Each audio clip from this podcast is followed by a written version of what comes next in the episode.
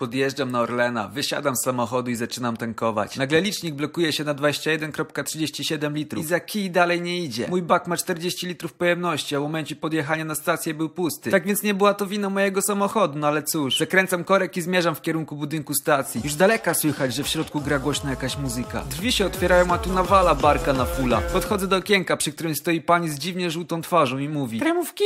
Słucham? No kremówki czy pan chce? Nie, dziękuję, tylko paliwo i hot doga dużego poproszę. Ale na pewno nie chce pan kremówki? Tak. Nie, dziękuję. No dobrze. Jaka kremówka, wariacie? Słucham, wariacie? Jaka parówka, proszę pana? A jakie są dostępne? Kremówkowa. Jak to kremówkowa? Nie ma kabanosa lub italiana? Nie, tylko kremówkowa. Wkurwiony odpowiadam, że niech już będzie, bo głodny w cholerę jestem. Ekspedientka pyta o sos. Odpowiadam, że czosnkowy poproszę. Na co ona, że nie ma? No to się pytam, jakie są dostępne. Na co ona? Kremówkowy.